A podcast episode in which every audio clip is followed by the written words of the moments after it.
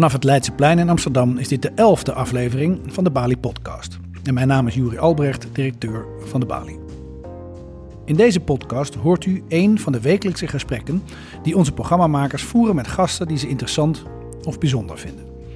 Deze week gaat Sophie Rutenfrans in gesprek met Lisette ten Haaf over de juridische status van het ongeboren kind. Lisette ten Haaf is promovenda rechtstheorie aan de Vrije Universiteit Amsterdam. Ze is gespecialiseerd in artificiële reproductieve technologie en in beschermingsmaatregelen voor ongeboren leven. Wist je dat een embryo een schadeclaim kan indienen? Ten Haaf vertelt straks hoe dit mogelijk is. En ze bespreekt de moeilijkheden en kansen van nieuw wetenschappelijk onderzoek naar voortplanting. Blijf vooral luisteren naar Bali-redacteur Sophie Rutenfrans in gesprek met Lisette ten Haaf live in de Bali.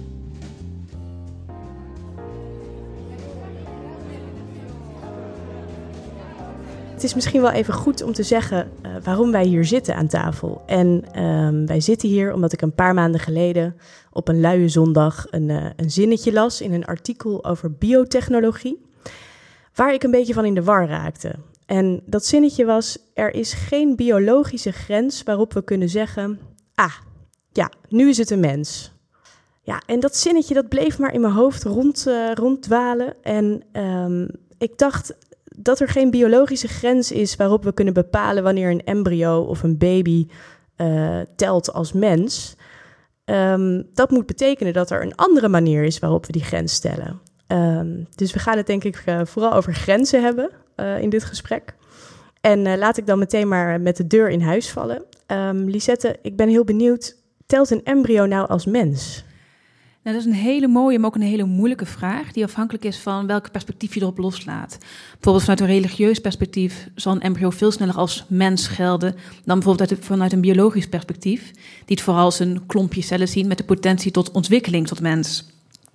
Nou, voor mij als jurist is eigenlijk vooral interessant niet zozeer is de embryo een mens, maar heeft de embryo juridische persoonlijkheid. Dat is eigenlijk de juridische categorie. Dus is een embryo drager van rechten of is het eigenlijk gewoon een zaak dat volledig aan onze beschikking is overgeleverd? En het antwoord daarop is eigenlijk dat het embryo een tussenvorm is. Het is geen rechtssubject of geen juridisch persoon, want dat ben je pas vanaf de geboorte. En de embryo is natuurlijk nog niet geboren. Maar het is ook geen zaak, want niet alles is met het embryo toegestaan. Bijvoorbeeld in de embryowet zijn gewoon de handelingen opgesomd wat je met een embryo kan doen. En dat is implanteren voor je eigen zwangerschap of doneren aan een ander stel voor een zwangerschap. Je kan het invriezen of vernietigen, of je kan het doneren aan de wetenschap voor onderzoek. Maar je mag een embryo bijvoorbeeld niet verkopen of tot kunstobject verwerken, als dat zou kunnen. Of het is ook niet uh, toegestaan om het op te nemen in de erfenis. Dus het is niet zeg maar een gewone zaak zoals een fiets, waar je alles mee kan doen wat je wilt. En daarbij is het eigenlijk ook heel lastig om te spreken van de status van het embryo. Want het embryo bestaat eigenlijk niet. Er zijn eigenlijk heel veel verschillende soorten embryo's. Zo kan je bijvoorbeeld een onderscheid maken tussen het embryo in vivo, dat in de buik van de moeder zit, en het embryo in vitro. Uh, een levensvatbare foetus of een niet levensvatbare foetus. Pre-embryo's, restembryo's. En al die categorieën hebben een eigen beschermingsmechanisme. Oké, dus er zijn eigenlijk heel veel verschillende soorten embryo's die allemaal verschillende soorten rechten hebben, als ik het uh, goed begrijp. Nou, recht is eigenlijk niet het juiste woord. Want zoals ik al zei, een embryo is geen rechtssubject, dus het heeft helemaal geen rechten.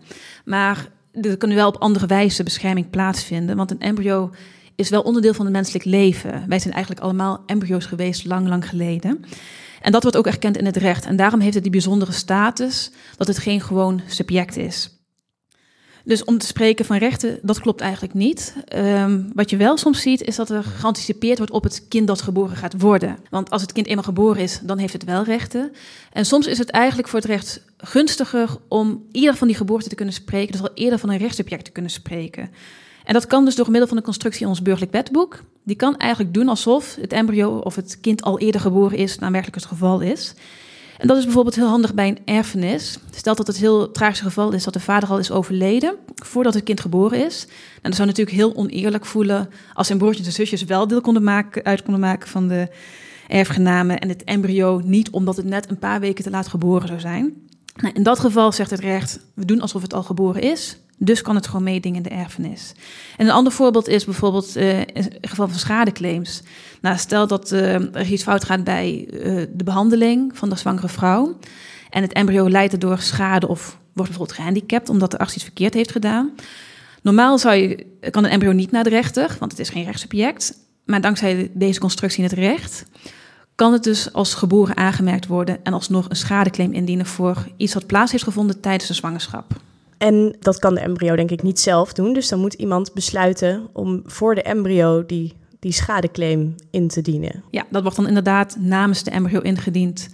En dat is eigenlijk gewoon een vorm van vertegenwoordiging. Hetzelfde zou zijn als een kind uh, zijn recht zou willen halen. Het kind kan zelf niet naar de rechter stappen feitelijk. Maar dan wordt dan namens het kind, of in dit geval namens het embryo gedaan. Eigenlijk, dus in, in de hele basis heeft het kind... Uh, verschillende rechten als embryo. Maar er zijn wel een paar grenzen die we, die we in het algemeen hebben vastgesteld. Bijvoorbeeld bij abortus weten we wel heel goed wat een, wat een embryo is en wanneer niet. Um, dus tot 24 weken, geloof ik, kan je nog abortus doen. En daarna niet meer. Dat klopt. Met een kleine uitzondering, mocht het een levensbedreigende situatie voor de vrouw of het de foetus opleveren, dan kan er alsnog een abortus uh, plaatsvinden. Maar de standaard abortus van je besluit toch niet het kind te willen dragen of daarna op te geven adoptie, dat kan inderdaad tot 24 weken. En dat lijkt misschien arbitrair, want waarom niet 23 of 25 weken? En dat heeft te maken met het feit dat een embryo zich gedurende de zwangerschap heel geleidelijk ontwikkelt. En tussen het begin en het einde van de zwangerschap zie je een heel groot verschil.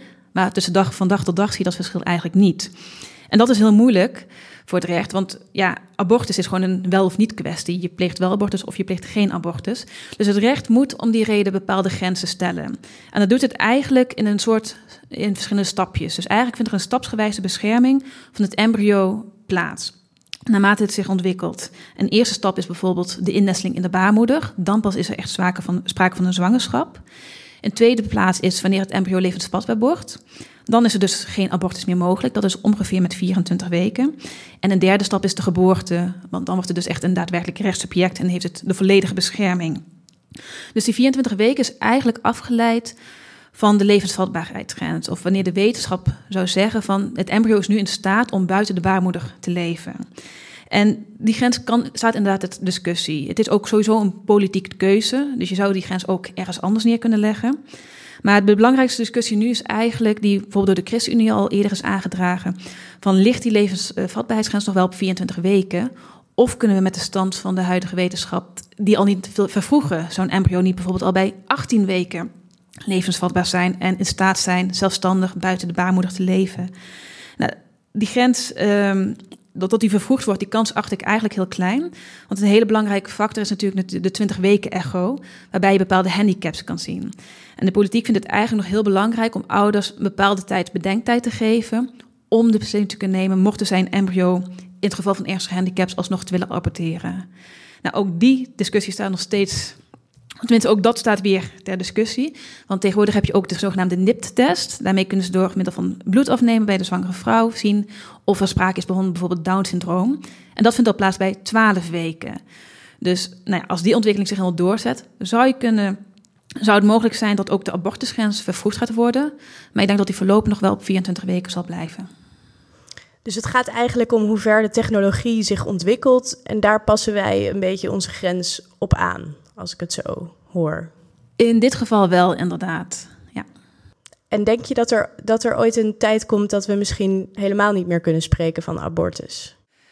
Um, nou, zolang vrouwen ongewenst zwanger zullen worden, denk ik dat uh, die keuze altijd zal blijven staan. Zeker in een liberaal land zoals Nederland, die juist uh, de middenweg probeert te zoeken tussen enerzijds het respecteren van het prille menselijke leven dat er al bestaat, maar anderzijds ook het respecteren van um, ja, de keuzevrijheid van de vrouw, ja, zal altijd een vorm van abortus blijven bestaan. Een andere vraag wordt natuurlijk, of een andere situatie wordt het, als je gebruik zou kunnen maken van kunstmatige baarmoeders. Dat het eigenlijk ieder kind of ieder embryo kunstmatig soort van uitgebroed zou worden. Ja, dan kom je in een hele andere situatie, maar dat is gelukkig voorlopig nog science fiction een beetje in het verlengde daarvan legt denk ik uh, dat we nu al bezig zijn, langzaam, vooral ook in andere landen, met het überhaupt het opkweken van embryo's. Dus überhaupt buiten de baarmoeder in een petrischaaltje uh, de celletjes die dan langzaam eh, steeds groter groeien. En um, de, de, de, grens voor de wetenschap ligt nu op uh, 14 dagen. Mogen die erop experimenteren en het proberen in leven te houden. En daarna moeten ze, moeten ze dood of, of weggegooid. Het is maar hoe je het wil noemen natuurlijk. Ehm, en die 14 dagen grens, waar heeft die mee te maken? Nou, het klopt inderdaad dat er uh, ja, heel veel geëxperimenteerd wordt met embryo's, want ze zijn een hele belangrijke bron van stamcellen. Dus ze bieden de mogelijkheid, um, of tenminste, mensen hopen dat we daarmee ooit ziektes als ALS of Parkinson kunnen genezen. Dus dat onderzoek is in die zin heel belangrijk. Maar het klopt ook dat inderdaad in de meeste landen heb je die 14 dagen grens. Dus embryo's mogen zich blijven ontwikkelen tot 14 dagen en daarna moeten ze worden vernietigd. En dat heeft te maken met wat ik net al even noemde, de innesteling in de baarmoeder. Wat het recht heeft geprobeerd is om toch een beetje dat embryo in vivo en dat embryo in vitro wat gelijk te houden. Om ze niet helemaal van elkaar te scheiden. Ja, dat lukt niet helemaal, maar ze hebben toch geprobeerd om bepaalde parallellen te trekken. En na 14 dagen in een, bij een normale zwangerschap, of dus na 14 dagen na de conceptie, zou het embryo zich innestelen in de baarmoeder. En dan spreken we dus ook van een echte zwangerschap. Dat betekent bijvoorbeeld dat uh, anticonceptiemiddelen die de innesteling voorkomen, zoals een spiraaltje, dat wordt niet gezien als een abortus. Maar dan bestaat het embryo natuurlijk nog niet. Dus dat valt niet onder die regelgeving.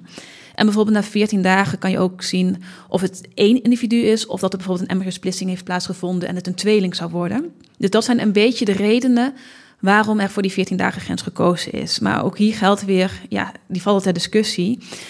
Um, en ze zijn ook enigszins arbitrair. Er zit natuurlijk wel een gedachte achter. Maar voor de, wetenschap en de medici zou het bijvoorbeeld heel fijn zijn als ze die grens konden opreiken om andere experimenten mee uit te voeren. Maar voorlopig blijft die 14 dagen grens nog staan. Dus als ik het zo hoor, dan heeft eigenlijk uh, is het recht rond de embryo's is ook niet gebaseerd op wanneer we dus spreken van een mens. Het gaat meer om uh, het bepalen van andere grenzen, bijvoorbeeld innesteling of uh, levensvatbaarheid van het kind, maar niet heeft een kind hersenen, heeft een kind een zenuwstelsel of pijn of nou, dat soort dingen.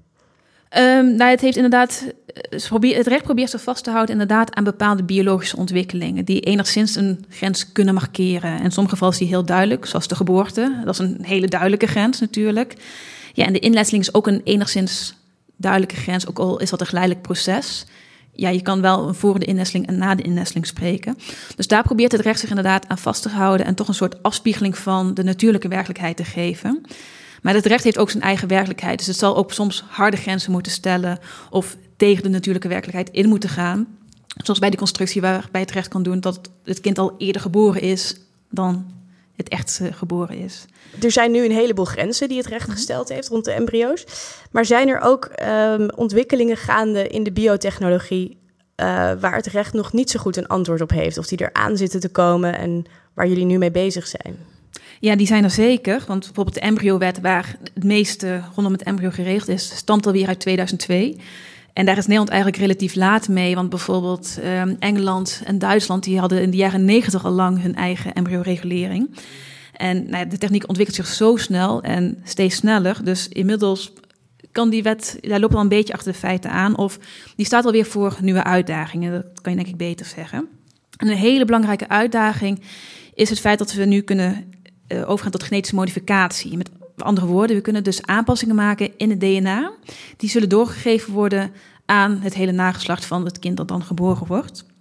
En nou, een simpel voorbeeld is bijvoorbeeld mitochondrial replacement therapy, oftewel mitochondriale eiceldonatie. Ja, helaas is daar geen makkelijker woord voor. Maar dat betekent dat de celkern van een eicel eruit gehaald wordt en in een andere uh, cel geplaatst wordt. En zo kan je dus het mitochondriale DNA, dat in de oorspronkelijke eicels zitten en mogelijk defecten zou bevatten, ontlopen. En daarmee kan je ook uh, voorkomen dat het kind aan bepaalde ziektes leidt. Nou, die techniek is, een, is nog niet overal toegestaan, of eigenlijk is die alleen toegestaan in het Verenigd Koninkrijk. Die hebben dat al expliciet gereguleerd. En voor zover ik weet zijn er nog geen vergunningen voor verleend. Dus het is nog niet daadwerkelijk een casus. Uh, heeft er plaatsgevonden waarin dat is toegepast. Omdat natuurlijk maar een heel klein aantal van de koppels of van de toekomstige ouders die techniek uh, nodig zouden hebben. In Nederland is het interessant, het is niet expliciet verboden. Maar het is ook niet expliciet gereguleerd. Dus het vindt ze nog een beetje in een middengebied. En waarschijnlijk als het meer en meer geaccepteerd wordt en de techniek ook daadwerkelijk goed werkt, kan het zijn dat Nederland inderdaad toch overgaat om ook dat toe te staan. Maar ja, in dit geval het mitochondriale DNA, dat je dus wilt weg wegknippen eigenlijk, of tenminste wilt vermijden, dat maakt 0,1% uit van het gehele DNA. Dus in dit geval spreek je nog niet echt van designer baby's of het ontwerpen van je eigen kind.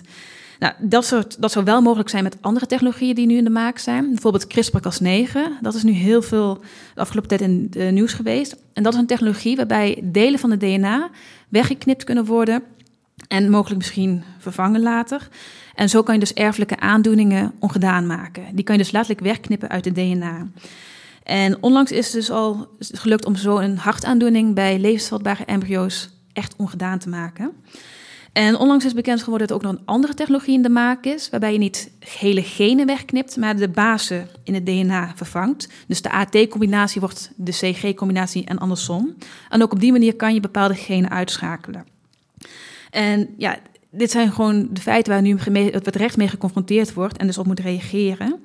En in eerste instantie zegt het recht daar nee tegen. Het is gewoon verboden, zowel volgens het Nederlands recht als het internationale recht. Um, eigenlijk om twee belangrijke redenen. Ten eerste, de technologie is nog niet voldoende ontwikkeld dat die geen schadelijke effecten zal hebben. Of tenminste, we weten het nog niet. En we willen natuurlijk voorkomen dat er een kind geboren wordt met allerlei genetische kwalen, puur omdat wij ermee hebben lopen experimenteren.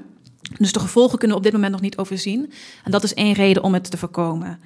Maar een andere reden is ook van, ja, dit brengt dus het risico met zich mee dat wij dus de kinderen daadwerkelijk gaan ontwerpen en helemaal gaan designen naar de wens van de ouders. En is dat iets wat we willen? Dus eigenlijk is de vraag van, ja, schendt dit soort technologieën niet de menselijke waardigheid van het kind? Als het kind eigenlijk een soort instrument wordt van de droombeelden of de ideaalbeelden voor de toekomst van de ouders. Um, verschillende landen, ja, sommige kennen meer gewicht aan het ene toe, sommige meer aan het andere gewicht, uh, aan het andere argument. Maar in Nederland zie je dat er wel degelijk een beroep wordt gedaan, ook op zowel menselijke waardigheid als op de mogelijke negatieve gevolgen. Maar van de andere kant zien we ook natuurlijk een hele groot voordeel in dit soort technologieën. Namelijk, je kan hele ernstige ziektes hiermee voorkomen. En dan lijkt het eigenlijk een no-brainer van waarom zou je dat niet willen? En om die reden heeft bijvoorbeeld ook de Gezondheidsraad eigenlijk gepleit van... ja, we moeten dat verbod opheffen op kiembaanmodificatie. en juist gaan experimenteren om deze technologie te perfectioneren... en daadwerkelijk te kunnen inzetten om zo heel veel levens te redden. Um, maar het moeilijke daarvan is, waar leg je de grens? Bijvoorbeeld een gruwelijke ziekte als uh, Huntington... ja, dan kan ik me voorstellen dat je dat inderdaad graag zou willen voorkomen. Maar wat nou als je bijvoorbeeld astma wilt voorkomen is dat ook al een reden om in te grijpen. Of als je je kind bijvoorbeeld gewoon een hogere weerstand wil geven. Of je kind intelligenter maken. Of wat bijvoorbeeld uh, Watson, een van de ontdekkers van DNA, zei. Nou, als er dadelijk daadwerkelijk een homogen ontdekt wordt, snap ik dat ouders het recht hebben om ook daarop te selecteren. En dat gaat natuurlijk hartstikke ver. Van, is homoseksualiteit, is dat een ziekte? Nee, dat zou ik in ieder geval niet willen zeggen. Um, dus dat is eigenlijk het moeilijke argument, omdat je hier ook weer een geleidelijke stap hebt van hele ernstige ziektes tot ziektes waar eigenlijk heel goed mee te leven valt, of die slechts een risico hebben tot het ontwikkeling van een bepaalde aandoening. Ja, wanneer is die ernstig genoeg om daadwerkelijk daarmee in te grijpen? En hoe ver mogen ouders daarmee gaan? En daar heeft het recht op dit moment nog geen heel duidelijk antwoord op. Je ziet bijvoorbeeld bij een andere technologie zoals embryoselectie Daarom wordt gezegd, nou, de meest ernstige ziektes, die mag je voorkomen op deze manier, door embryo's te gaan selecteren. Maar minder ernstige ziektes, die worden daarvan uitgesloten. Dus het zou, is denkbaar dat ook waarschijnlijk uh, in het geval van genmodificatie eenzelfde grens getrokken zal worden. Dat zijn wel veel vragen waar het recht uh, nog over na moet denken. Inderdaad. Dus als ik het goed begrijp, heeft het recht nu wel allerlei uh, bepaalde grenzen gesteld voor verschillende soorten embryo's en uh, op verschillende soorten manieren bepaald uh, wanneer een kind wel beschermd worden, kan worden en wanneer niet. maar er zijn nog een hoop dingen die er nu als een razende aankomen in de ontwikkeling van biotechnologie, Um, waar eigenlijk nog geen antwoorden op zijn. Uh, en vooral in de aanpassing van DNA en het uh, selecteren van embryo's en het kiezen van bepaalde genen wel of niet. En dat mag nu allemaal nog niet, maar dat zit er wel aan te komen. Dus dat is heel erg spannend. En ik ben heel erg benieuwd, um, ook vooral hoe het recht daarmee om zal gaan. En ook natuurlijk de biotechnologie. Um, en dan is er nog een rechtszaak waar we het over kunnen hebben. Dat klopt. Um, je hebt hem zelf, ja, je had hem al uh, in inleiding van dit gesprek aangestipt van in Amerika is er nu een zaak gaande waarbij zogenaamde embryo's hun eigen moeder aanklagen. En dan gaat het om embryo's in vitro, dus die nog ingevroren zijn. Um, dit is een hele lastige zaak, want eigenlijk wordt gezegd dat die embryo's dus een recht op leven hebben. En een soortgelijke zaak heeft ook in het Europese recht gespeeld, waarbij er een koppel was. Uh, zij, bij haar werd uh, eierstokkanker gediagnosticeerd. En hebben ze dus besloten om embryo's in te vriezen, omdat toen de tijd was het uh, beter om een hele embryo in plaats van onbevrucht ijzer in te vriezen. Nou, na de behandeling ging het stel uit elkaar.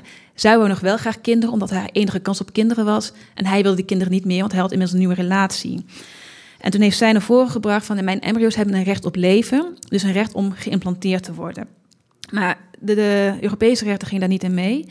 En de voornaamste reden daarvoor is eigenlijk dat de lidstaten dat zelf moeten bepalen, omdat het zo'n moreel gevoelige materie is. Als je bijvoorbeeld kijkt naar Nederland, daar zeggen wij nee, embryo's hebben geen rechten. Maar als je bijvoorbeeld kijkt naar Duitsland of Italië of Ierland, dan wordt er wel een recht op leven erkend. Um, zowel voor deze zaak als voor die Amerikaanse zaak uh, denk ik dat een recht op leven en daarmee dus bedoelende een recht om geïmplanteerd te worden eigenlijk onhaalbaar is. Uh, om verschillende redenen. Ten eerste is het praktisch gewoon onmogelijk om alle embryo's die ingevroren zijn alsnog uh, te implanteren en uit te broeden. Want bijvoorbeeld alleen Amerika al zijn er meer dan 400.000. Nou, stel je voor dat je overal daarvoor een draagmoeder zou moeten vinden. Maar daarnaast is het natuurlijk ook heel tragisch uh, als je heel bewust kinderen geboren laat worden, waarbij vooraf al duidelijk is dat een van de ouders hen absoluut niet wil. Ja, zo'n situatie kan je vermijden, zeker als het recht daarmee gemoeid is. Um, en een laatste bezwaar is natuurlijk de botsing met stamcelonderzoek en abortuswetgeving. Als je inderdaad zegt dat een embryo in vitro al een recht op leven heeft, wat bijna nergens erkend is, ja, dan zou je het ook niet zomaar mogen gebruiken voor stamcelonderzoek, omdat daarbij het embryo vaak vernietigd wordt. En dat zou voor de wetenschap natuurlijk heel uh, lastig zijn. Maar ook de abortuswetgeving komt in gevaar. Want als een embryo in vitro al een recht op leven hebt, dan betekent dat dat je het gewoon niet meer, ook gedurende tijdens de zwangerschap, mag aborteren. Dus ik denk zelf dat die rechtszaak eigenlijk uh, ja, niet in het voordeel van de ijzer zal uitdraaien, of in ieder geval niet in het voordeel van de embryo's die zelf nog niet eens is bestaan. Maar dat het gewoon onmogelijk is om embryo al een recht op leven toe te kennen. En komt dit eigenlijk niet omdat we gewoon als samenleving niet hebben nagedacht over waar onze ethisch, ethische grens of ethiek eigenlijk ligt? Nou, ik denk dat we daar juist heel goed over nagedacht hebben. Maar dat er gewoon geen eenduidige mening over is. Dat er is geen consensus over. Want ook als je kijkt al binnen de, politieke partijen, D66 zou eigenlijk zeggen van nou laat het over aan de ouders, die mogen er zelf over beslissen. En daarmee krijgt het embryo eigenlijk een soort zaakstatus. Het is helemaal overgeleverd aan de wens van de ouders. Terwijl bijvoorbeeld de ChristenUnie zou zeggen van nee, het embryo is daadwerkelijk al deel van menselijk leven, of misschien al uh, menselijke persoon. Dus het uh, moet volledig beschermd worden. Dus ja, er is gewoon geen consensus over. En daarom zoekt het recht altijd een middenweg. En daardoor krijg je dus eigenlijk die hybride vormen die het embryo nu is. Nou, het is mooi om af te sluiten met uh, een consensus. Fijn dat we geen uh, harde lijnen kunnen trekken en uh, ethische beslissingen kunnen nemen, maar dat het toch altijd eigenlijk weer uitkomt op het compromis. Heel erg bedankt voor dit gesprek. Dankjewel.